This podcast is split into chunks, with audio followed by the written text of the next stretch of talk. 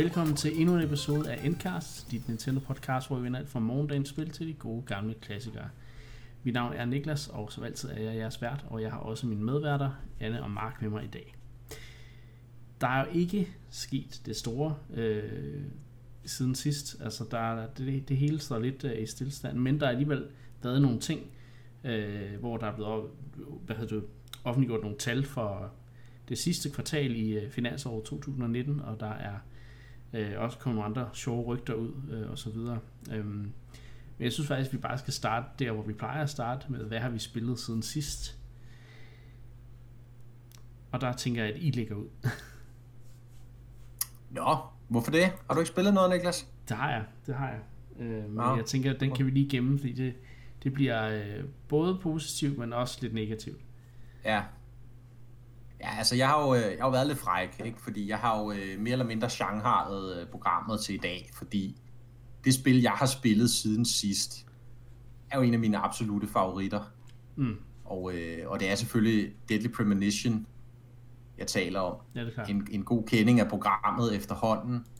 Øh, vi snakkede om det i sidste episode, øh, fordi at toeren er lige om hjørnet. Ja. Kommer her 10. juli og, øh, og jeg har jo fablet om det her spil et par gange. Øh, og nu får jeg så lejligheden til måske lige at fable om det en, en, en sidste gang, eller hvad man skal sige. Det bliver jo ikke en ekstra gang. gang. Men, men i hvert fald det første spil kan være det sidste gang, du får lov at snakke om. det, ja, det første spil en sidste gang. Så nu skal jeg virkelig, øh, nu skal jeg virkelig prøve at, at stille det i et godt lys. Øh, nej, jeg er i gang med at spille det igen, fordi øh, toeren kommer, og, øh, og jeg skal ligesom have genopfrisket historien for det første spil. Jeg spiller det sammen med min, øh, med min kæreste, øh, og det har jo været sådan lidt sjovt med det her spil, fordi i, i N-Club-kredse, der, der ved I jo, at, at jeg har prøvet ligesom at prædike øh, det gode ved det her spil til, til mange af jer, og jeg tror, at nogen, nogen har hoppet på, men, men de fleste i virkeligheden øh, øh, har, har, har set lidt skeptisk til det. Og det er klart, fordi når man går ind og ser trailer og så videre det her spil, så, så ser det sådan meget tvivlsomt ud. Det er meget janky, det er meget det ligner et spil, der er 20 år gammelt. Det er så 10 år gammelt, men altså det ligner et spil, der er endnu ældre, og det crasher hele tiden, og, og der er sådan nogle mange skøre ting. Altså det lugter af sådan et, hvis det var en film, ville man kalde det en B-film, ikke? Jo. Så lad os kalde det et B-spil på en eller anden måde. Og det er også rigtig langt hen ad vejen, at det er det. Det er et uh, japansk produceret indie-spil i virkeligheden, der udkom tilbage på den oprindelige Xbox i, i 2010. Øhm, men, men hvad er det så, det kan, det her spil? Ikke? Øh, og, og, og det kan altså noget. Og nu sad, nu, nu, nu sad jeg som sagt med, med min kæreste og spiller det igennem, hun har aldrig kendt til det. Altså, jeg har lyst til at prøve at spille, spille det her spil sammen med mig, fordi nu kommer toeren, og, øh, og du er glad for sådan nogle, øh, sådan nogle øh, gode historier, basically. Sådan nogle øh, detektivhistorier. Sker et mor i en by, øh, finde ud af, hvem det er. Sådan en klassisk whodunit-struktur i virkeligheden, ikke? Ja. Øhm, og det gør det altså rigtig godt, og min kæreste, hun er hugt. Hun er virkelig hugt. Nå, det er det fedt. Øh, ja, og, øh, og jeg havde ellers prøvet så, så nøgtern som jeg kunne at sige, ja, men du skal være klar over, at det er sådan lidt, øh, lidt råt i kanterne og så videre, men, men altså, hun er helt solgt på, på universet og på historien. Og det er simpelthen, fordi den er skide godt fortalt. Den er virkelig godt fortalt, og den er utrolig spændende. Pacingen er rigtig god. Øh, der kommer hele tiden interessante twist i plottet, der gør, at man sidder og gætter med, og så på selvfølgelig, hvem er morderen, who done it. Ja. Øh, og så kommer der nye informationer, og den man troede det var, er det ikke, og så er det måske alligevel den man troede det var i første omgang, og så videre går det frem og tilbage.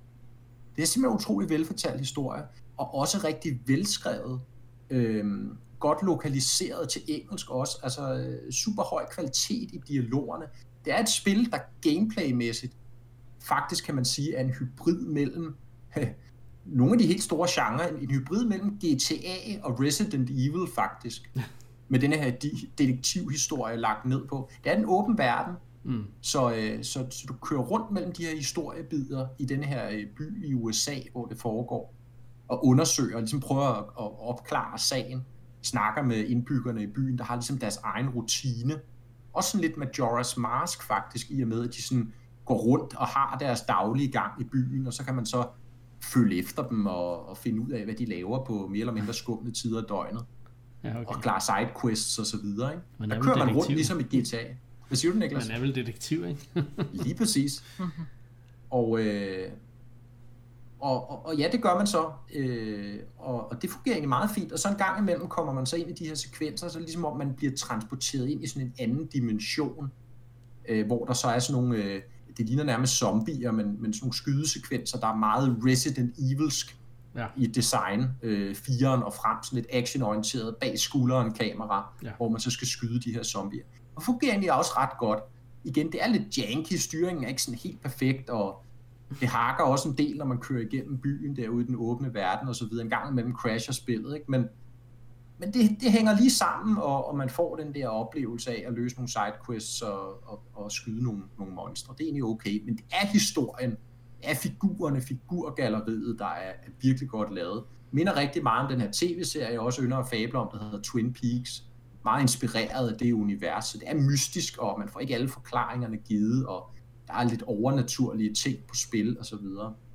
Ja. Jeg holder utrolig meget af det spil, på grund af historien, på grund af figurgalleriet. Det er janky, ja, det crasher, det, altså, det, det, det, ja, det hænger jo kun lige knap sammen, kan man sige, men det, det så rent faktisk kommer med, og det, det byder på, det er af utrolig høj kvalitet. Og det er derfor, jeg synes, at, at hvis man er glad for gode historier, øh, hvis man godt kan lide øh, altså de her mormysterier, den her type historier, godt kan lide at spille computerspil samtidig med, så er det altså værd at kigge ind i. Men man skal selvfølgelig være bevidst om, at, at det har de her rå sider, og det kan også i virkeligheden måske anbefales bare at spille main questen igennem for historien, hvis ikke man gider alt det der jank. Øh, måske eventuelt ledsaget af en guide, så man lige øh, får forklaret de sådan mest elementære ting. Ja, okay. Så øh, det er Deadly Premonition Origins, det første spil, og det kan man altså få på Switch, og det er en rigtig god version af spillet faktisk, man kan få på Switch. Ja. Øhm, så ja. Så det vil du øh, anbefale igen på det kraftigste. en, en, en sidste gang vil jeg anbefale Deadly Premonition. Nu har man lige tid til at spille det igennem, inden øh, toeren kommer. Ja. Og så må vi se, hvad det er for en størrelse. Ja, og det lever op til forgængeren. Ja. Ja, men øh, jeg har også øh, fået spillet nogle spil. Jeg har, lad os starte med positivt. Jeg har spillet, eller mere positivt i hvert fald. Jeg har spillet det, der hedder Blossom Tales The Sleeping King til, øh, til Switch, og øh, det er faktisk mere eller mindre en, øh, en, hvad kan man kalde en nyere udgave af, af det gamle 2D Zelda-spil. De øh, har selvfølgelig nogle af deres egne idéer og sådan noget, men man kan virkelig se, at det er Zelda. Øh, især øh, A Link to the Past. Øh, som de har øh, taget en masse inspiration fra. Øh, rent grafisk, der er det sådan lidt et øh, mismask. Jeg, jeg ved ikke, det er sådan meget blandet, øh, fordi på den ene side er det noget, der er 8-bit, og på den anden side er der også noget 16-bit ind over en gang imellem. Så jeg synes oh, faktisk, at problemet er, at de ikke helt rammer, øh, altså når de, alle, alle objekterne i verden rammer ikke altid helt den samme artstyle, synes jeg, det irriterer mig lidt. Men, men historien er bygget op sådan, at der er to, øh, to børnebørn, der går ind til sin, sin sovende bedstefar og vækker ham og siger, hey, nu, bedstefar, fortæl os en historie. Og så skal han jo så finde på den her historie, som så er, jeg ved ikke, om han finder på den, men det, det, man, man har lidt følelsen af, at han gør i hvert fald. Øh, det er den her historie, der handler om, om det her Blossom Kingdom, hvor der er en, en, en konge, der, øh, der bliver forbandet af, af sin bror, som selvfølgelig er en ond, øh, ond troldmand, og øh, han bliver så forbandet, så han, så han sover. Øh, og så skal man så få ham vækket ved at tage ud og, og klare dungeons og ting og sager. Øh, I bedste øh, Zelda-stil. Øh. Og jeg synes faktisk, det fungerer godt. Altså, det, det spiller godt, og det, altså, udover grafikken nogle gange, synes jeg, skær i øjnene nærmest, så, øh, så, så synes jeg faktisk, at øh, gameplayet virker rigtig godt. Frem for at man, at man har, øh, hvad kan man sige, altså i, i Zelda har du jo, når du har bomber og pile og sådan noget ting, så har du jo, øh, hvad kan man sige, at hver item har et vist antal, du kan rende rundt med. Men her der bruger det faktisk mana at bruge de her items, så du har sådan set uendeligt antal øh, bomber, indtil du render ud af, altså render sørg for mana, kan man sige. Ikke? Hmm. Og det synes jeg faktisk er en, en fin måde at, at, at komme uden om, den, øh, altså at lave den mekanik på. Det er ikke, det er ikke fordi, det er et problem som sådan, men det, det er lidt en anden måde, end Zelda øh, håndterer det på, kan man sige. Ja. Øhm, Hvem har lavet det? Ja, nu øh, stiller du de, øh, de kritiske spejl. Altså, det er et indie-spil, antager jeg, ikke? Jo, det, øh, det, det, det virker relativ, i hvert fald til at være det. Um, relativt lille produktion, men altså har det, har det så det, noget på Zelda? Altså? Det er lavet af nogen, der hedder Castle Pixel. Mm. Øh, er det ek- eksklusivt på Switch, eller hvad? Mm, det, det er jeg ikke sikker på. Øh, det har jeg faktisk ah. ikke undersøgt, men, øh, men det fungerer i hvert fald rigtig godt på, på Switch. Øh, om det har noget, altså det føles mest som en, altså det jeg har spillet indtil videre, nu har jeg, jeg tror jeg er kommet til første dungeon, nu har jeg så ikke klaret den endnu. Men der er sådan en rimelig en lang sekvens op til, øh, hvor man skal klare nogle ting udenfor, for at kunne komme derhen og sådan noget. Øh, men jeg synes faktisk, at øh, det mere er et, hvad kan man sige, en, en hyldst til Zelda-spillene. Øh, en, en hyldest, sorry. Øhm, og, og det... Øh, så, så på den måde synes jeg faktisk ikke, det helt altså, kommer op på samme niveau eller overtager det. Øh, fordi jeg, jeg har faktisk øh, haft sådan noget meget svært ved at tage mig sammen til at spille det igen sidenhen. Så, og jeg tror måske, det er endda også fordi, at grafikken er sådan lidt, som jeg sagde før, den skærer lidt i øjnene, og jeg synes ikke rigtigt, at den altid passer helt sammen. Øh, selvom gameplayet jo faktisk øh, er rimelig solidt. Øh, så. Men det er jo også, altså, det er jo også det der med, ikke? Altså, nu siger du, det er en Zelda-like og så videre, at, at det prøver at være, være Zelda. Altså, det har altid undret mig, når man laver de her, altså, når man laver de her copycat-spil, eller hvad vi skal kalde dem, mm. hyldester, eller hvad vi kan bruge mange ord om, ja. ikke? altså går op imod nogle af de helt store franchises, ikke? Altså, det er jo lidt ligesom, jeg kunne faktisk, øh, jeg igen snakke om Deadly Premonition, ikke? der lidt forsøger at imitere GTA, men det kommer så øh, der selvfølgelig slet ikke kan måle sig med GTA, men det kommer så med nogle andre ting, det har noget andet på hjertet, noget unikt, ikke? Jo. hvor det lyder som om her med Blossom Tales, ikke? Altså, det, det er bare altså, en Zelda-klon, ikke? Og, og, det kan jo aldrig være lige så godt som Zelda, så du ved, hvorfor, altså, hvorfor prøver man overhovedet, ja. ikke? Altså, jeg kan overhovedet også... anbefales at købe, hvis, altså selv hvis man er Zelda-fan? Eller, altså... Jeg har sådan, hvis man, hvis man virkelig savner at spille et nyt 2D Zelda-spil, og man, man synes, man har spillet de gamle til døde, ja, så vil jeg faktisk gerne anbefale, øh, at man får mere af den slags gameplay i det her spil. Øh. Ja. Men, men altså, hvis, hvis, man, hvis man gerne bare vil sidde sådan noget og spille Minish Cap, eller øh, Link to the Past, eller Link's Awakening, så får man også, hvad kan man sige, øh, det behov dækket der. Øh, jeg, jeg, vil, jeg vil faktisk sige, at jeg stadigvæk synes, at Link's Awakening til Switch er bedre øh, som et 2D Zelda, end, end, eller ja, ja. end, end det her Blossom mm. Tales. Ikke? Det, og det er jo selvfølgelig klart, fordi det er, det er Zelda, men, men stadigvæk. Ja. Hvis man skulle vælge mellem de to, så kan man sige, Blossom Tales er billigere, men, men. Så har du ikke roteret alle 2D Zelda-spillene inden for det seneste år, så køb.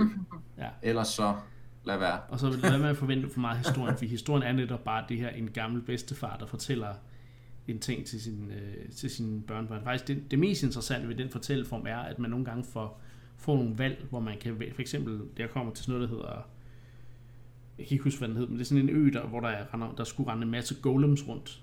Og så øh, fik jeg valgt, om skulle der være evil archers eller golems på den her ø. Og så sagde jeg jo, at mhm. selvfølgelig skal der være golems, fordi den hedder et eller andet med golem. Det var, det var også det, en af de der, ja, de der børnebørn så sagde, ikke? Så. Hmm. meget, meget, meget sjovt, og det, det er sådan der, hvor spillet måske lidt øh, skiller sig ud, men jeg synes, det er ikke noget, hvor jeg sådan føler, at det, det, det promoverer sig selv på, øh, kan man sige. Så. Men det er ja. interessant nok, kan man sige.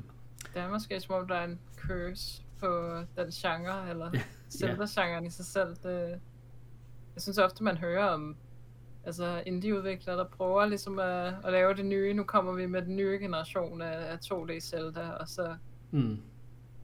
ja, så går det bare altid lidt i vasken. Jeg vil i hvert fald ikke sige, at øh, det er der på den måde øh, ja, fuldstændig øh, ændrer på min, min måde at spille 2D Zelda på. Eller noget. Jeg, har ikke, jeg har ikke behov for at have alle mulige mechanics fra Blossom Tales i Zelda eller noget den stil. Øh, så. Mm. Men øh, jeg har også spillet et andet spil, som også er baseret på, altså en, en, det er en, en ny udgave af en gammel genre. Og jeg har så spillet øh, Yooka-Laylee, og ikke The Impossible Lair, som jeg snakkede om, men altså det første Yooka-Laylee, som jo er et collectathon i stil med Banjo-Kazooie, og det er jo, kan man sige, det spil, det er bygget op efter øh, i den grad, og... Øhm, Ja, nogle af de gamle udviklere jo i øvrigt, ikke? Ja, altså Playtonic består jo i høj grad af gamle Rare-folk ja, fra dengang de var under Nintendos vinger og, og lavede de her Evergreens. Netop. Øh, og så er det sådan, at øh, jeg har jo aldrig spillet Banjo-Kazooie, øh, hverken 1 eller 2 til 64, så øh, for mig er det jo lidt, kan man sige, udover at jeg selvfølgelig har spillet Super Mario 64 og andre øh, Collectathon, så er det jo for mig lidt stadigvæk en, en ny et nyt bekendtskab, når man skal sige. Øhm, jeg vil ikke sige, jeg har, jeg har spillet Conker, og jeg ved så ikke helt, om Conker har samme øh, hvad hedder det, struktur, men, men anyway, øh, jeg har spillet ukulele på stream faktisk, øh, og dem der så med, de ved nok, øh, at jeg ikke kommer til at streame det spil igen. Fordi det var altså noget af en skuffelse øh, for mig. Jeg er glad for, at jeg købte på tilbud, fordi øh, hvis jeg havde givet fuld pris for det spil, så havde jeg godt nok været skuffet. Øhm, fordi jeg synes simpelthen ikke, at øh, jeg synes, der er for mange små ting, der ikke fungerer i spillet. Der, der er for meget med styringen, der er for meget med kameraet. Jeg synes, hoppene er mærkelige, når man for eksempel, man kan, man kan hvad hedder det, man får en, en forholdsvis tidligt spil, får du den der øh, ting, du også har i Impossible Lair, hvor du ligesom kan, kan bruge, øh, hvad hedder det, øh, lady som en, en, en tønde, du ligesom kan, kan rulle på, eller, måske, eller ja, kan, løbe ja, på. på sådan en hurtig løbe ja. knap i virkeligheden. Ikke? Og der er tit, hvor du skal, du skal hoppe i, at, op ad nogle, hvad hedder det, skråninger, hvor du ligesom skal hoppe på den skråning. Og jeg har altid svært ved at se, om jeg kan, kan nå at hoppe over en, øh, en, hvad hedder, en afgrund eller ej. Og det, det irriterer mig rigtig meget. Øh, blandt, altså, det er bare et eksempel på mange af de her små ting, jeg ikke synes, der fungerer så godt i spillet. Øhm, og jeg synes heller ikke, altså værterne er ret store, øh, men jeg synes ikke rigtig, at jeg får den samme ligesom i Odyssey, der synes jeg altid, at jeg har en eller anden idé om, hvor jeg skal gå hen for at, at få måner øh, i, i det spil, men i, i Ukulele, hvor du så samler de her, hvad hedder det, øh, øh, pages hedder det. det, det er sådan nogle sider af nogle bøger, øh, du så skal samle sammen, og, og der, der synes jeg ikke helt, at jeg på samme måde føler, at alle mine hvad kan man sige, aktiviteter går hen imod det. Altså nogle gange så får jeg det ud af det, andre gange får jeg noget andet ud af det. Øh, og det synes jeg er sådan, det, det forvirrer mig lidt, øh, når jeg spiller det. Øh, men, men det er jo det, der ligger i Collectathon-genren, altså det kan i hvert fald traditionelt. Ikke? Altså, at der er jo mange forskellige ting, du samler. Det var der også i det originale Banjo-Kazooie, ja. ikke? så var der Jinjos, så var der noderne, så var der øh, puslespilsbrækkerne, ikke? Så der er jo de her forskellige ting, man samler, og mm. de forskellige ting gør forskellige ting. Det er klart. Jeg ved ikke, om nødvendigvis i sig selv er et problem. Altså igen, det kan være med til at overvælde og måske skabe lidt forvirring omkring, synes hvad giver hvad og så videre. Det gør ikke? banerne mindre, hvad kan man sige, fokuseret. Men det er jo også det, der er meningen. Man skal jo bruge tid på at undersøge og, og udforske og så videre. Men jeg, jeg synes bare ikke, det fungerede så godt i det spil. Jeg, jeg følte mere, at jeg bare rendte hvileløs rundt og ikke rigtig fik udrettet så meget. Nej, men, igen, men det er så nok snarere et problem med level designet, ikke? fordi det, det er igen, altså det er trade-genren, kan man sige, det er de her ja. sandkasser, du kommer ned i. Jo, jo. Så skal du udforske, og så skal det jo gerne være, lige meget hvor man går hen, skal der helst være et eller andet interessant. Så kan ja. vi også godt diskutere, hvor meget de lykkes med det. Ja. Øh, men, men jeg mener sådan, i forhold til, hvordan genren i hvert fald var oprindelig med Banjo-Kazooie, mm. der synes jeg, de rammer den ret tæt på. Det, jeg det tror også, der var en, der skrev øh, i chatten, mens jeg streamede, der en, der skrev, at det virker som om Yooka-Laylee ligesom bare vil være et, et Banjo-Kazooie-spil, som det var i, nogle, i slut 90'erne, men de har ikke rigtig moderniseret nogle ting ved det. Udover grafikken, øh, eller hvad man skal sige. Det, det føles som om, det, det lidt sidder fast i den der tidslomme, og ikke er helt på samme niveau som de der øh, Banjo Kazooie øh, og Mario 64 og hvad, det, hvad de ellers hedder Collectathons dengang. Ikke? Øh, mm. Så det synes jeg måske er en meget fin pointe. Altså det, det kan jeg måske godt, godt se, uden at, igen at have spillet Banjo Kazooie. Øh, så. Jo, jo, men det, det, det er jeg 100% enig i, og man kan sige, det er også det, de det det, de virkelig løser, når de laver efterfølgeren The Impossible Lair. Ja. Fordi den er en meget bedre eksempel på en, en klassisk formular, som de moderniserer med mange af de her ekstra ting og strukturer, de putter ned over, ja. som jeg jo har, har fablet øh, spalte ja. op og spalte ned omkring. Ikke? Ja, øh, det er som om med det første ukulele, som du siger, Niklas, at de, de skulle finde sig selv, og de, skulle, de har måske været for smiret af at lave præcis Banjo Kazooie, som, ja. altså, som det var dengang. Ikke? Jo. Og så oven i det har de så haft lidt problemer med fysikmotoren i Unity, og hoppene er ikke sådan helt, de sidder ikke lige skabet, og banerne er lidt for tomme nogle steder, så man føler ikke rigtigt, at der er spændende, spændende ting at finde over det hele, og i det hele taget den her mekanik også med, at banerne bliver større, når du har fundet nok sider. Ja. den er sådan lidt kontraintuitiv i forhold til det her med at være de der sandkasser, du Ja, skal præcis. ned i og undersøge. Ikke? Det, det Og igen, den fjerner de jo også i toeren i Impossible Lair. Der går de jo væk fra i stedet af, at banen bliver større, så er det i virkeligheden bare, banen skifter tema eller form, Mm. sådan så du kan gå ind, og så nogle af de ting, du kendte, de har lige pludselig ændret sig en smule. Ikke? Jo. Basically bliver det en ny bane, ikke? som vi også kender det fra Dark Light World-temaet i Zelda og så videre, ikke? Altså, hvor man tager et level, og så lige skifter nogle af parametrene, så det bliver anderledes. Men grund, altså grundprincippet er det samme. Ikke? Jo. En langt bedre mekanik, end den, de har kørende i der. Ja, det, Det er helt enig. Men altså, i hvert fald, desværre var det ikke et spil, der, der imponerede mig, og øh, hele chatten var også enig med mig i, at nu skal vi altså spille noget andet efter halvanden time. Og så gik vi over til et, øh, et moderne collectathon i form af Super Mario Odyssey. Øhm, men man kan sige, at øh, det, det er jo ikke fordi, jeg siger, at Yooka-Laylee er et dårligt spil. Det er bare, bare for mange ting, der irriterer mig ved det, til jeg ikke føler, at det er særlig sjovt at spille. Øh, så, Ja. så Man skal være stor fan af genren, det er jeg 100% enig. Man skal være stor fan af genren, men så vil jeg også sige, hvis man er det, som jeg selv er, så hyggede jeg mig faktisk meget godt med det, de Ja. ja. der 20 timer, eller hvad det tog at, at finde det hele, ikke? da jeg spillede det. Nu er det et par år siden, men Og Men- det er men godt, ja. du lige har et, øh, sådan et øh, counterpoint til min negativitet. Det, Nå ja, men sådan, altså, sådan er det jo. Jeg er 100% enig i de ting, du siger, men det er jo igen det der med, at man kan godt, altså, afhængig af, hvad ens præferencer er, Ja. ikke, så kan man jo godt hygge sig med nogle ting alligevel, selvom de, de, de ikke fungerer helt optimalt. Ikke? Ja, ja, præcis. Øh, og, det, og det kan noget, synes jeg stadig, i forhold til universet. Jeg synes, de er nogle gode maskotter, og jeg synes, det er et hyggeligt univers at tosse rundt i, og, og banerne er også meget hyggelige langt hen ad vejen. Ja. Så, så ja, hvis man, hvis man virkelig er dedikeret til genren, så, så, så kan jeg give det en forsigtig anbefaling. Men ellers så tror jeg, du er ret, Niklas. De fleste vil nok sidde og være lidt små irriteret over mange af tingene. Og så oven i alt det, så synes jeg også, at stemmerne, de laver, er voldsomt frustrerende. Og Ja, dem kan du så, dem kan du så fjerne, Nå, Nå, det er godt. tilføjet det som en option. Det er godt, det er godt. Det, Nå. det er, jeg skal gøre det. Er det, er det Banjo Kazooie stemmer? Ja, ja, det er jo sådan noget, øh, det er jo sådan noget Ja. brøvlesnak, de siger, ikke? Sådan noget, uh, uh, uh, uh, Men det er bare de samme lyde, de nærmest bruger til det hele, og det bliver meget hurtigt gammelt, synes jeg. Men Ja. det kan også godt være, at jeg bare er, jeg er bare ved at blive, blive ældre på det punkt. Men uh, anyway, Altså igen, man kan sige, at de lavede det som en option i spillet, på grund af den Ja. feedback, de fik Ja. fra folk. Så du er helt sikkert ikke den eneste, der har været lidt irriteret over det der. Og det er meget godt at høre, at det ikke er, jeg ikke er den eneste. Nå, nu skal vi altså videre. Øhm, Ja. Anne, du har desværre ikke øh, rigtig noget at, at tilføje her, fordi du har for travlt til at spille, jeg forstå. Ja, altså, øh, men jeg kan jo konstatere, at øh, lysten til at spille Animal Crossing, den, øh, den fortsætter. Ja, Og jeg når da også ind øh, til min daglige rutine lige og øh, vande blomsterne og øh, få gravet fossilerne op. ja, Øhm, det er også nogle af det, jeg har forklaret for tiden. ja. Øh, jeg, jeg har stadig store planer om øh, at skulle få min ø til at blive femstjernet en dag, men øh, det må Mm. være, når, når sommerferien starter. Ja, det kan være. Ja, Så- kan, kan, kan Red ikke snart nå at, at dukke op igen, eller hvad? Han har da været to gange hos mig. Er det rigtigt? Ja. Hej, hvor er det snyd. Jeg har kun haft ham en gang. Og der, øh, der snød han mig jo. Ja. Jeg fik, jeg fik gættet rigtigt den her gang. Det var meget fedt. Ah, okay. Ja, jeg har tre og ægte. Det virker som om, at det er tilfældigt, altså hvordan han spawner. Ja, Ja. men det er måske ligesom øh, teltet der. Det, er- det er sådan noget med, at det har... Øh, en Ja, jo længere tid der går, så øger Ja. chancen for, at det spawner, ikke? Jo. Ja. Nå, det er da meget interessant. Det vidste jeg ikke.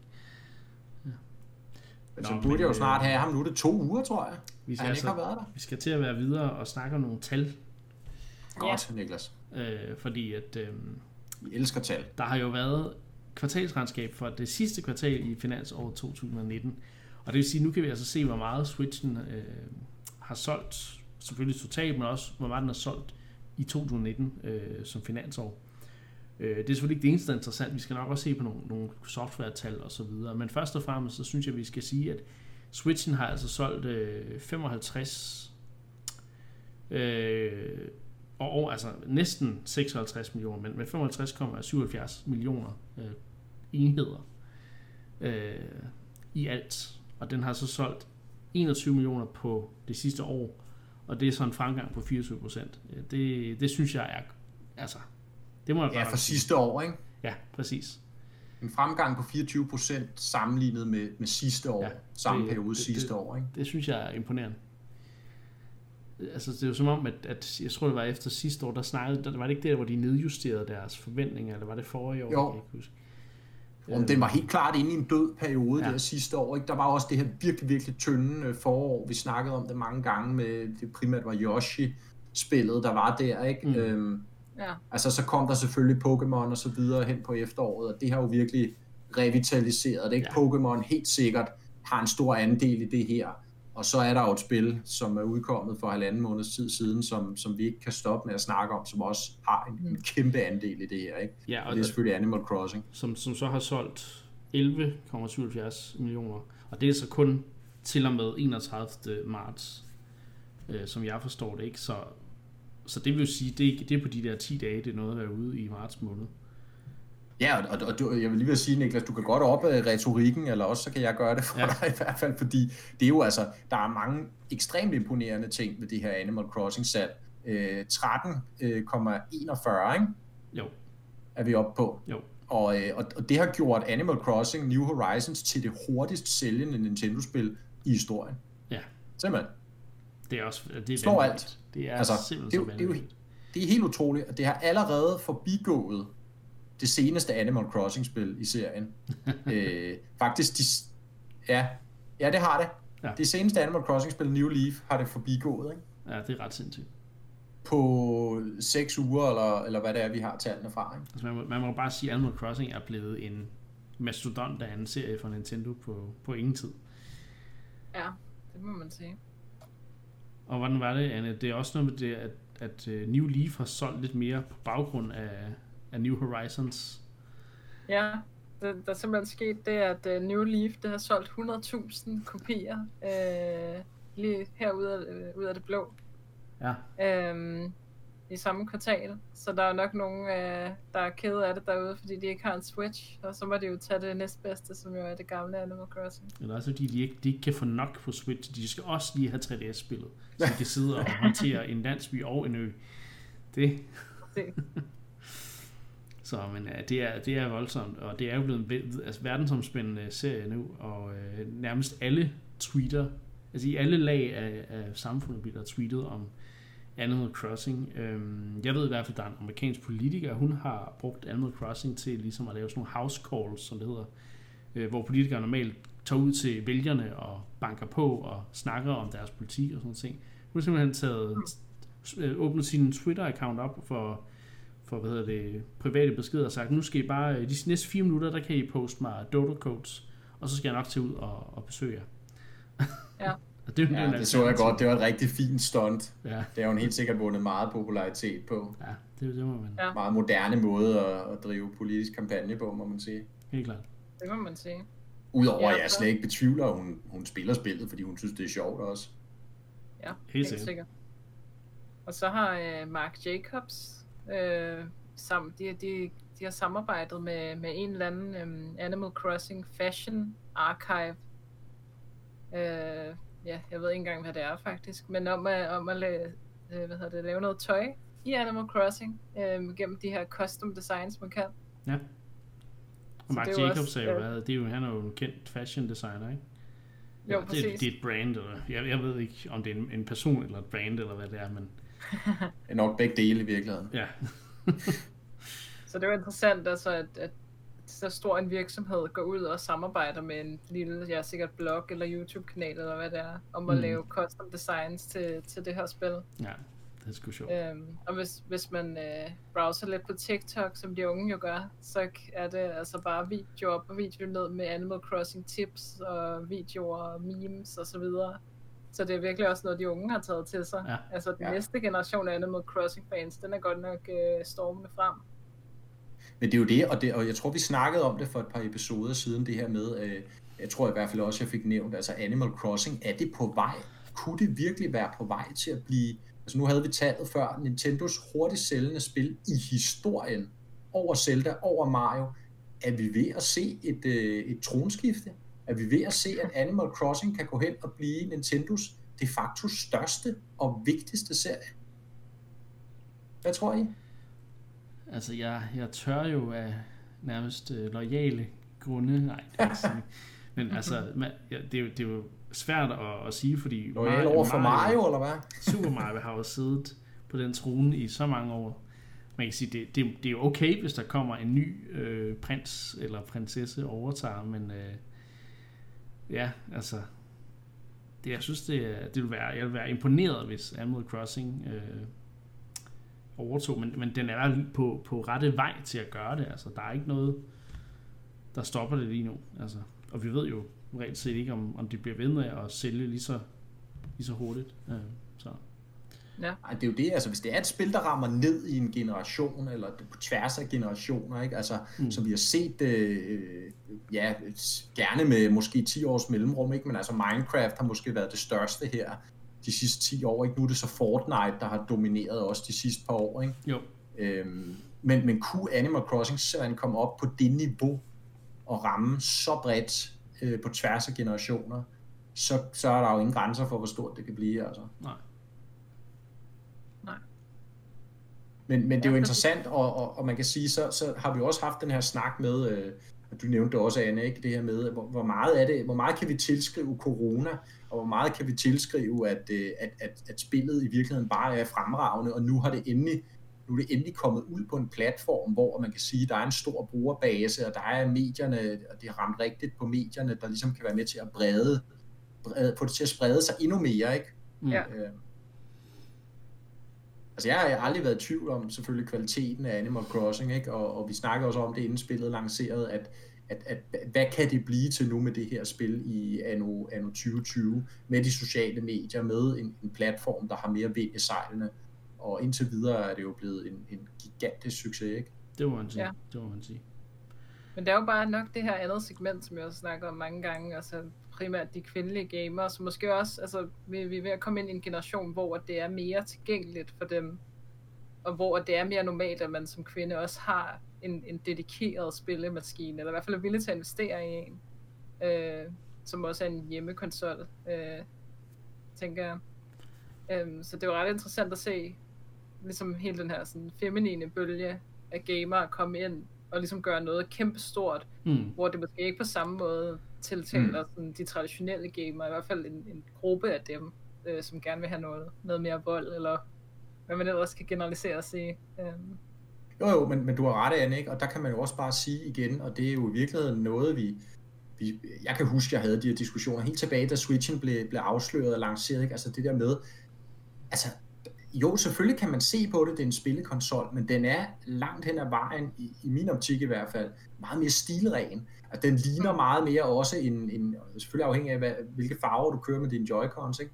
Det ligner jo langt øh, hen ad vejen en, en, en tablet af en eller anden art, ikke? Ja, det er en tablet af en eller anden art, ikke? Og dokken er, er sort og rimelig anonym og lille, og kan stå øh, på tv-møbel, uden at, at det er en stor, stort skrummel af en, en PS4 eller gamer-PC, der ovenikøbet også øh, støjer af helvedes til, fordi at blæseren den aldrig vil holde op med. Altså der er Switchen jo bare meget mere elegant i sit udtryk, og det tror jeg har en stor del også af forklaringen på, hvorfor det ligesom bliver acceptabelt på en eller anden måde. Jeg ved godt, det lyder fjollet, men man skal ikke underkende, hvor meget det betyder det her med, om, om, om, om et device eller I ved, et møbel ligesom kan godkendes til at blive placeret i stuen. Ikke? Jeg tror, I, I ved, hvad jeg taler om, ikke? Men, men ja, ja. Der, der, der er den bare øh, længder foran, også hvad Nintendo ellers tidligere har lavet, ikke? men jo især de, de konkurrerende konsoller også. Ikke? Mm. Jo, det, jeg tror også klart, at det var derfor for eksempel, var det DS Lite, der også havde et meget mere stilren design, der også begyndte virkelig at skubbe til salget der, ikke? Øh, ja, og var populær hos kvinderne jo også. Ja, præcis.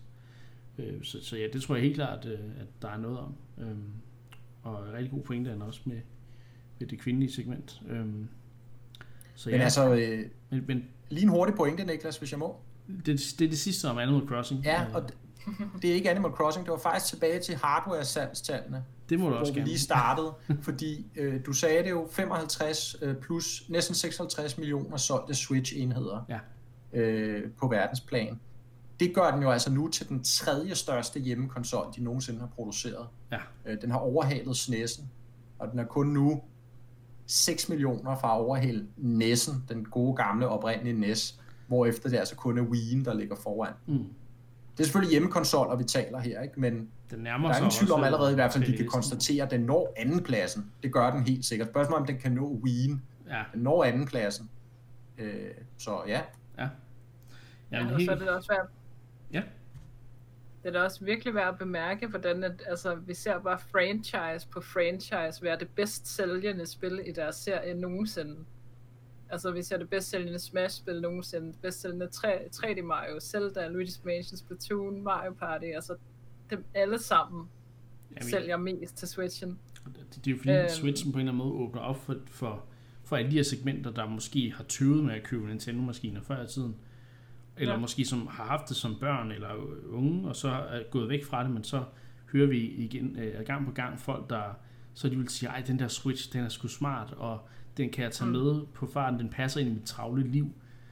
Og så køber de, øh, køber de en Switch og begynder at spille de der gamle spilserier, som, som de måske ja. har savnet, ikke? og sådan nogle ting. Så... Den må have en virkelig høj rate af, hvor mange spil en enkelt bruger køber, tænker jeg, siden at, at så mange franchises på samme tid kan sælge ja. så meget. Det tror jeg også. Det er ret interessant. Så der, det må være andre end bare os, der køber alle de store nye Nintendo-spil, der kommer, øh, og skal, skal, have, ja, ja. skal have det næste i rækken hele tiden. Ikke?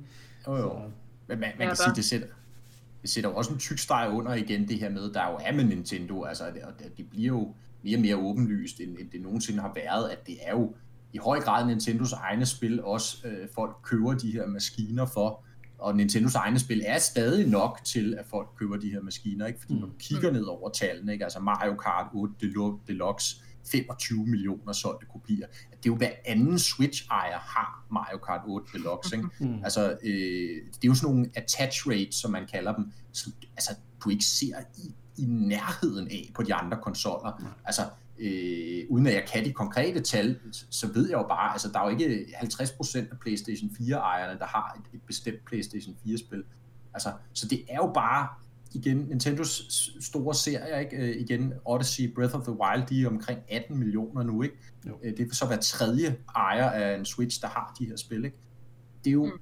det er jo helt utroligt, hvor, hvor stærk tiltrækningskraft de, de spil har, og det har de jo selvfølgelig også, fordi det er genialt gode spil, ikke? Øh, mm. Det, det kan vi jo alle tre blive enige om, ikke? Og, og de er altså gode nok til, at man køber øh, den her maskine alene for at spille dem, ikke? Mm. Ja, for jeg føler virkelig også, at Nintendo har forbedret og virkelig nærmest optimeret den kadence, sådan, hvor de ud, øh, udgiver spil i. Altså det er som om, at de, de sørger altid for, at der er noget stort om foråret, noget stort om efteråret. Ja. De ved præcis, hvor mange måneder der skal gå, før at øh, den lidt mere casual spiller, han er klar til at, at, at eller hun er klar til at, at, at finde nye veje og nye eventyr. Ja, så kan man jo sige med til Animal Crossing-historien er jo faktisk også det her med, igen apropos corona, at, øh, at det skulle oprindeligt have været ude i efteråret. Det må ja. vi ikke glemme. Og så udskød Nintendo det jo med det meget, øh, hvad kan man sige, øh, altså ærlige og i virkeligheden gode budskab, at de var simpelthen ikke færdige, og de havde ikke lyst til at crunche deres, deres medarbejdere og deres ansatte i smadre for at få spillet klar. Nej. Så de valgte at udsætte, udsætte det, så de i god ro og orden kunne gøre det færdigt og så falder det så tilfældigvis sammen med corona, og det har da helt sikkert hjulpet, ingen tvivl om det. Øh, det har været en heldig lancering ned i det her karantæne-hejs, mm. men, men, men ja, på baggrund af noget, der var positivt, det synes jeg på en eller anden måde, kan man næsten tale om karma her, ikke? Altså, at, at, at de udsatte spillet for ligesom at, at tjene deres ansatte, eller passe på deres ansat, og det ender så faktisk med at være en gevinst for dem. Ja, det må man sige. Ja, det... Men nu må vi se, om, øh, den kadence, den øh, fortsætter. Vi ved jo ikke rigtigt, hvad der kommer til at ske øh, fremadrettet. Øhm, og det skal vi snakke en lille smule om, øh, ligesom vi er faktisk ikke så meget tid tilbage, så jeg vil bare lige meget hurtigt øh, gå over en, en enkelt nyhed om, at øh, der er blevet lækket en masse ting fra Nintendo øh, her på det seneste. Øh, jeg tror, det er en sådan stor samling af ting, der er blevet lækket øh, fra forskellige maskiner og generationer og ting og sager. Men interessant nok, så er der en øh, historie omkring, øh, hvorfor øh, altså, der, der, der ligesom er nogle, noget, en eller anden form for confidential øh, et slideshow eller den stil fra, fra noget PowerPoint, hvor det står, hvorfor at de har valgt at bruge friendcodes frem fra, øh, hvad kan man ja. sige, usernames. Ja. Ja, og måske inden vi kommer til det, Niklas, så lige lidt baggrund. Det er jo så, det er ikke Nintendo selv, Nej. skal det siges, der er blevet hacket, men det er en af de samarbejdspartnere, de havde ja. under Wii-generationen, hvor de bad det her firma om at producere øh, både hardware og software faktisk øh, til Wii. Mm. Øh, et firma, der hedder Broad On, og nogle af deres server er simpelthen øh, blevet hacket, og der har så ligget de her fortrolige Nintendo-dokumenter, der er indeholdt alt fra ja, simpelthen source-kode på, på Wii-relaterede ting, øh, arkitekturbeskrivelser, designdokumenter, de her øh, PowerPoint-slides med friendcode, som vi skal snakke om om lidt. Altså simpelthen øh, på et niveau, hvor at, at hvis du kan få produceret komponenterne, så kan du bygge din egen Wii helt forbundet, altså, og, og, og selv samle den, var jeg ved at sige. Ikke? I hvert fald genskabe den en til en og programmere softwaren til det, og så videre. Ikke? Der er også blevet lækket nogle demoer og alt muligt. Ja, ja, ja. Øh, ret interessant i virkeligheden for, for, hvad kan man sige, entusiaster som os. Mm. Selvfølgelig er Nintendo nok ikke super glade for det, øh, men, men jo ret interessant. Og så er der jo det med omkring de friend codes der, Niklas. Ja, og, og det er jo sådan set, øh, der er jo mange, der, der, der har undret sig over, hvorfor at da Nintendo gik ind i det her online univers, hvorfor de valgte at, at bruge de her 12 nummererede øh, vennekoder øh, frem for ligesom de gjorde på Xbox og Playstation, at lave de her navne, øh, eller man kan sige usernames. Øh. Og der har været nogle, nogle bestemte, hvad hedder det, principper, de er gået med. De er gået efter øh, et princip, der hedder, at, at et screen name, eller et, ikke et screen name, men, men et, en repræsentation og måde at, være øh, at blive venner på, eller man skal sige.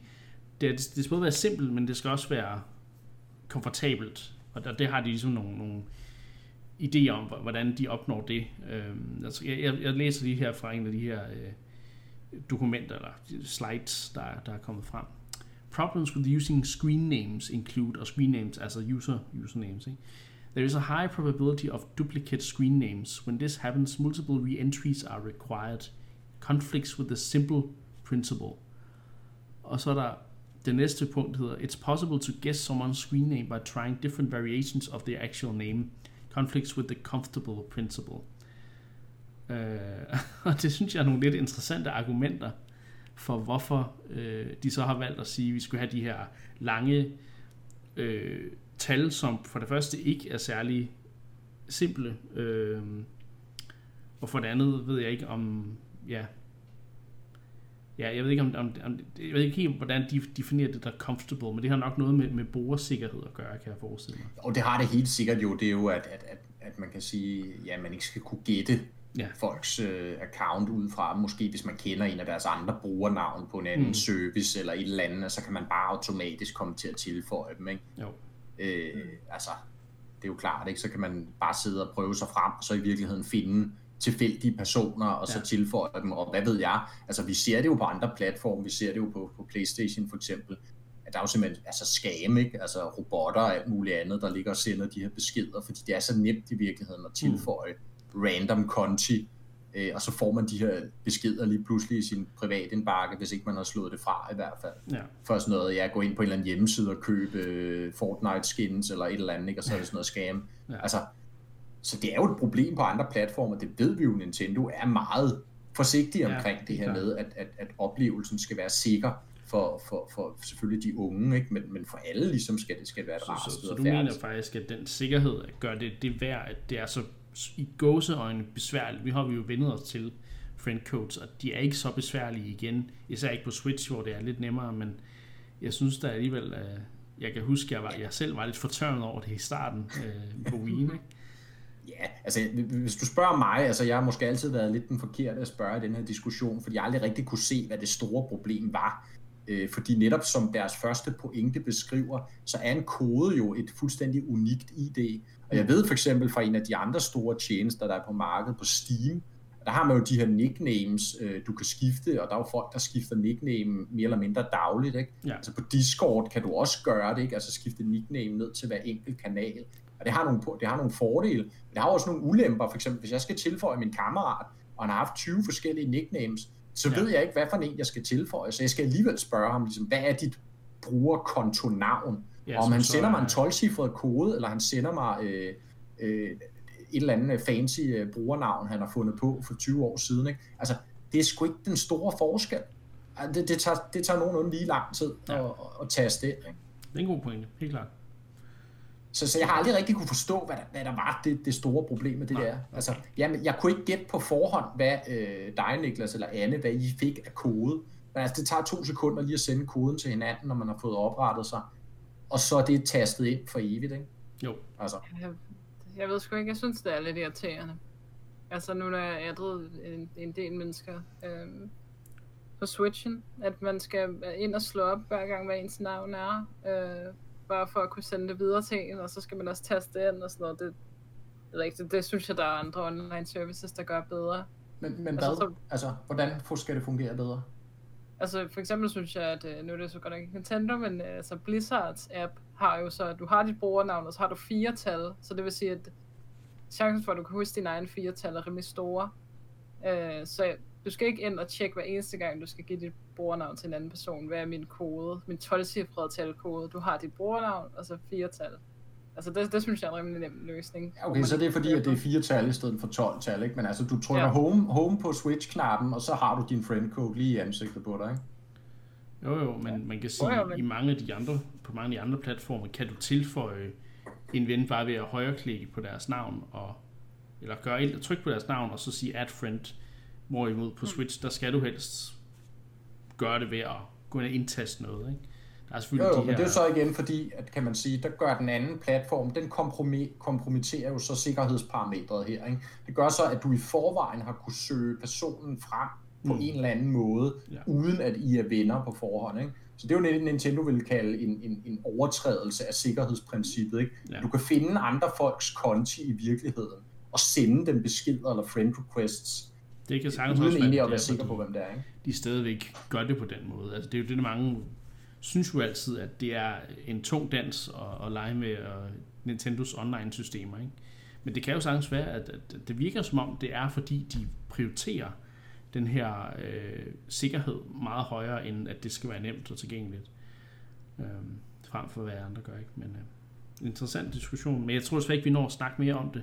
Fordi vi, skal altså, vi, har, vi har ikke så meget tid tilbage. Vi skal lige, lige hurtigt over nogle andre øh, emner. Det næste emne, øh, det er, øh, at der øh, jo der er et rygte, der siger, at der ikke kommer til at være nogen Nintendo Direct i den uge, hvor E3 skulle have været afholdt i år. og at der måske først kommer noget Direct i slutningen af sommeren, og det vil så sige, det må så være august.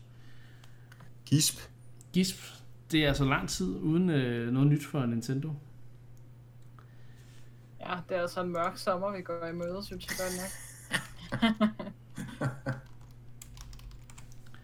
ja, altså det er jo, øh, nu siger du et rygte, Niklas, men det, altså, som jeg forstår det, er det jo basically confirmed af alle andre end Nintendo selv, og så ved jeg godt, at indtil de selv har taget bladet fra munden, så er det selvfølgelig ikke øh, endegyldigt, at de kan nå at skifte mening og så videre. Men, men store, store prominente websites, uh, Eurogamer en af dem, uh, meget troværdige, har det fra pålidelige kilder, at, at, at det simpelthen er, den er udskudt ja. til sensommeren, og det skyldes i høj grad uh, de her corona-udfordringer, ja. uh, problemer med work from home og så videre, ikke, arbejde hjemmefra. Ja, det er især de japanske udviklere, der åbenbart har svært ved at, at omforme sig til den måde at arbejde på. Øh, Ja, også fordi ja. jeg tror, mange af dem har jo simpelthen ikke mulighed for at arbejde hjemmefra. Ikke? Det er jo et helt andet samfund end vores, ikke? og de bor måske i meget, meget, meget små lejligheder. Ikke? Jo. Altså, og ja. vant til simpelthen at kunne komme ind på kontoret og arbejde, fordi der er ikke noget alternativ. De har ikke udstyr derhjemme, de kan måske ikke engang passe udstyret ind i deres, deres små hjem, ikke? Øh, og så videre. Altså, det... det er det. Især i de, de Tokyo-baserede øh, studier, tror jeg. Ja. Så øh, ja, men det, det, er jo, det er jo øh, det er jo en udfordring, kan man sige. Så, så det er jo klart, at det hele begynder nu at, at få en konsekvens på, at ting skal blive udskudt og ting og sager. Øh, mm. Så, ja, plus at problem, problemet er jo også, Niklas, ikke, at, at sommeren begynder, altså virkelig tror jeg godt, vi kan regne med at blive slem, altså på udgivelsesfronten. Det tror jeg også. Fordi de spil, der skulle være kørt i stilling dertil nu, altså dem burde vi jo have hørt om på ja. nuværende tidspunkt, ikke? Jo. Og de har, de har vidderligt kun Xenoblade, en, en, en genudgivelse, som kommer her øh, slut maj, ikke? Jo, og så er altså, der nogle, og det, nogle tredjeparts spil, de ligesom har kørt i stilling, og som er blevet annonceret, som kommer mm. til ligesom at skulle, hvad kan man sige, dække sommeren, fordi ja, de kan nærmest ikke nå at, og, og, og hvad hedder det, annoncere det. annoncere noget nu, og så at det når at komme ud til, til juni eller juli. Ja. Det er jo det, ikke? Og Så- hvor meget jeg end elsker, for, forhåbentlig kommer til at elske Deadly Premonition 2, ikke? Så, Mhm. så anerkender jeg jo, at det nok ikke kan bære sommeren for de fleste, så, Nej, så ja, det, det er Xenoblade øh, og, og, og Nothing, eller hvad vi skal sige, ligner det lige nu, ikke? i hvert fald hvis man kun har en Nintendo, øh, Nintendo-maskine, og det er jo det, vi snakker om, så altså, som Nintendo-fan bliver det i hvert fald en, en noget, altså fordi sommeren er jo ikke fordi, det plejer ikke, sommeren plejer jo ikke at være den periode, hvor der kommer flest spil, men Nintendo har alligevel formået de sidste, altså siden Switchen kom ud, har sommeren faktisk haft nogle ret fede titler. Øh, Ja, sidste år havde vi Fire Emblem i august, ikke? præcis. Eller- øh, Jo, Astral Chain, de havde et meget, meget stærk sensommer, ikke? Øh, på eksklusiv fronten. det var også Så det, der vi startede så det jo der. Arms, så vidt jeg husker, ikke? Øh, Ja, Arms kom også øh, omkring juni, maj-juni, mener jeg. Mm.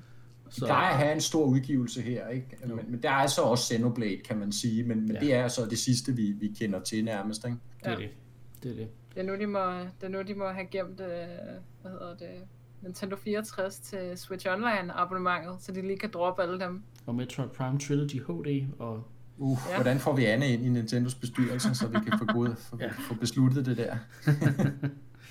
det er en god Alle de der læste- remakes. Nej, det, har vi, det kan vi snakke om en anden dag, men jeg læste faktisk en nedslående hvad hedder det, ting omkring, hvorfor det her 64 øh, øh, ja, Virtual Console øh, Ja. ja. 64 online app, den ikke er kommet, øh, men den, den øh, vil jeg næsten gemme til en anden gang. Okay. Det er en cliffhanger. Ja, Cliffhanger. det er det nemlig. Det har jeg lært, at man skal lægge ind i sådan noget her. Ja, det må jeg Så, så vender lytterne tilbage. Ja, det håber vi Ja. er, er, Ja, jeg har regnet den ud. Men øh, i hvert fald, så, ja, så bliver det, det, det bliver en, en periode, hvor vi bliver nødt til at, ja, hvad kan man sige, øh, Vi skal bo tage, hos tage Tom det, vi kan få, og så, hvad siger du, Anne? Ja, vi skal bo hos Tom Nook lidt længere. Ja, det, øh, det må vi gøre. Jeg må se, om jeg kan holde gejsten oppe for Animal Crossing i øh, hele Der kommer sommeren. nok sommer-update, trods alt. Ja, forhåbentlig. Øhm, der er vist også noget event, der skulle komme ikke? i juni. Eller Jo, var det bare noget, jeg har drømt? Ja, anyway. I hvert fald, mm. så, så, så, så bliver, det, bliver det hårdt. Øhm, der kommer til at være det her... Øh, der, der, Jeff Keighley's og Game Awards, de har jo annonceret det her øh, Summer Games Fest, hvor der er nogle, kommer til at være nogle, nogle spilrelaterede annonceringer, men desværre er der altså ikke noget Nintendo-relateret i den kalender endnu. Det kan jo være, at det kommer, men det, hvis Eurogamers øh, kilder der har ret, så, så må vi jo bare ja, hænge i til efteråret og håbe, at de så alligevel har et eller andet klar til os øh, til den tid, ikke? og de måske ja. laver en direct i juli eller august, øhm, Jeg og så virkelig også- jeg tager tæppet væk under os. Jeg, jeg tror simpelthen Nintendo nu, altså de har jo, vi har jo snakket om det her har været under opsejling i mange år i virkeligheden. Ja. Men nu hvor E3 er, er faldet fra hinanden og, og formentlig aldrig kommer tilbage, øh, altså, og nu er der nogen, der forsøger at stable noget andet på benene, men jeg tror simpelthen Nintendo har indset af, at der er simpelthen ikke nogen, der kan komme med en bedre platform til den, end den de selv har. Nej. Altså, de, har, de er store nok til, at de kan styre deres kommunikation selv Mm. og planlægge den fuldstændig uafhængigt af, hvornår der er trade shows og hvad end det måtte være, virtuelle konferencer eller whatever. Altså, Det, og jeg tror, at det her det er en endegyldigt brud med det, og nu vil vi fremover se, at Nintendo de styrer simpelthen bare den agenda 100% selv. Ja. Vi kan ikke regne med noget, øh, de, de kommer ud med tingene, når det passer ned i deres øh, Hmm. kalender. Det er måske en lille smule trist på nogle måder, ikke? og jeg ved, Anne, du var glad for E3 og så videre, det var jeg også selv. det var jeg Men, også. men, men på mange måder er det også bare det moderne, man ser i dag for de store tech. Altså Apple venter jo heller ikke på en eller anden konference. De har deres egen konference. Ikke? Altså, Mm. de, de, de store firmaer styrer kommunikationen selv i dag. Ja. Disney, de sidder jo ikke og venter på, at der er en eller anden filmdistributør forsamling hver eneste år. Vel? Altså, de kører det show selv. Og det kommer Nintendo også til, det er jeg overbevist om. Sony er også ved at køre samme øh, strategi, så ja, jeg tror, jeg vil ikke sige desværre, fordi det kan jo godt være, at det faktisk er en god ting, men vi må lige se, fordi igen, man må, man må alligevel øh, sige, at E3 var jo, øh, ja, det var alligevel noget, noget, noget der var, altså det er noget, jeg så frem til hvert år, så det kan være, at man skulle på et tidspunkt holde en lille et lille podcast, hvor vi mindes, selvom vi har mindes E3 mange gange i senere år, så er det stadigvæk, man kunne godt lige, du ved, lave sådan en rigtig rest in peace øh, for, øh, for E3. Hvis de selvfølgelig ikke vender tilbage som en eller anden form for digital ting, men hvis du har ret i, i dine, øh, hvad hedder det, um, predictions der, øh, Mark, så, så, så tror jeg heller ikke, vi, vi ser det øh, komme tilbage i nogen form. Så nu må vi se. Jeg er optimistisk. Helt klart. Helt klart. Det, det synes jeg også, du skal. Så. Men øh, vi når desværre ikke mere i dag. Øhm, så vi må have et retro-segment til gode til næste episode. Så det skal I glæde jer til derude. Ja, så, øhm, meget. der er ikke mere på programmet i dag, så øh, tak fordi I to øh, var med som altid. Og så øh, vil jeg til lytterne sige tak fordi I lyttede med, og vi lyttes ved næste gang.